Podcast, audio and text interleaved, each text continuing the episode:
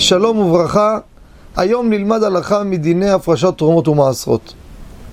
אדם קיבל פירות או ירקות מידיד ממה שכתב מגינתו, או מאדם הביא לו מפרדסו, או שקנה מפרדס. הפירות האלו נקראים תבל. דבר שהוא לא מעוסר ודאי, הפרשה שלו היא חובה עם ברכה. ואם זה גם שנת מעשרות של מעשר שני, שזה א', ב', ד', ה', מתוך השש שנים של במחזור עד השמיטה, שנה שביעית, פטור מתרומות ומעשרות. אז יש גם כן פדיון מעשר שני.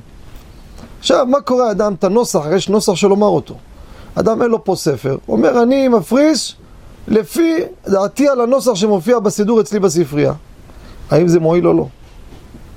לאשכנזים אפשר להקל בזה. כך כותב החזון איש, אפשר, יש, הסבירו בדעתו שהוא יודע מה הוא אומר, כאילו לפחות הוא יודע מה הסדר של ההפרשה, אבל הוא נוקט שזה מועיל.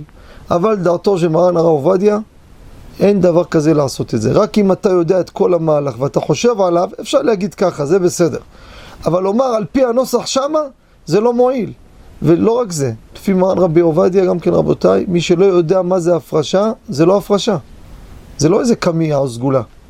צריך לדעת. אז במילה אחת אני אסכם. כשאתם רואים את הנוסח של הפרשת תרומות ומעשרות, תשימו לב, זה מחולק לפי אזורים.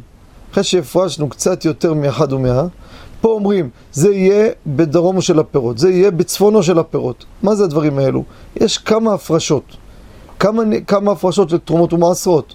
אז אנחנו אומרים, זה יחול בצד צפון שבחלק הזה, וזה יהיה בצד דרום של זה.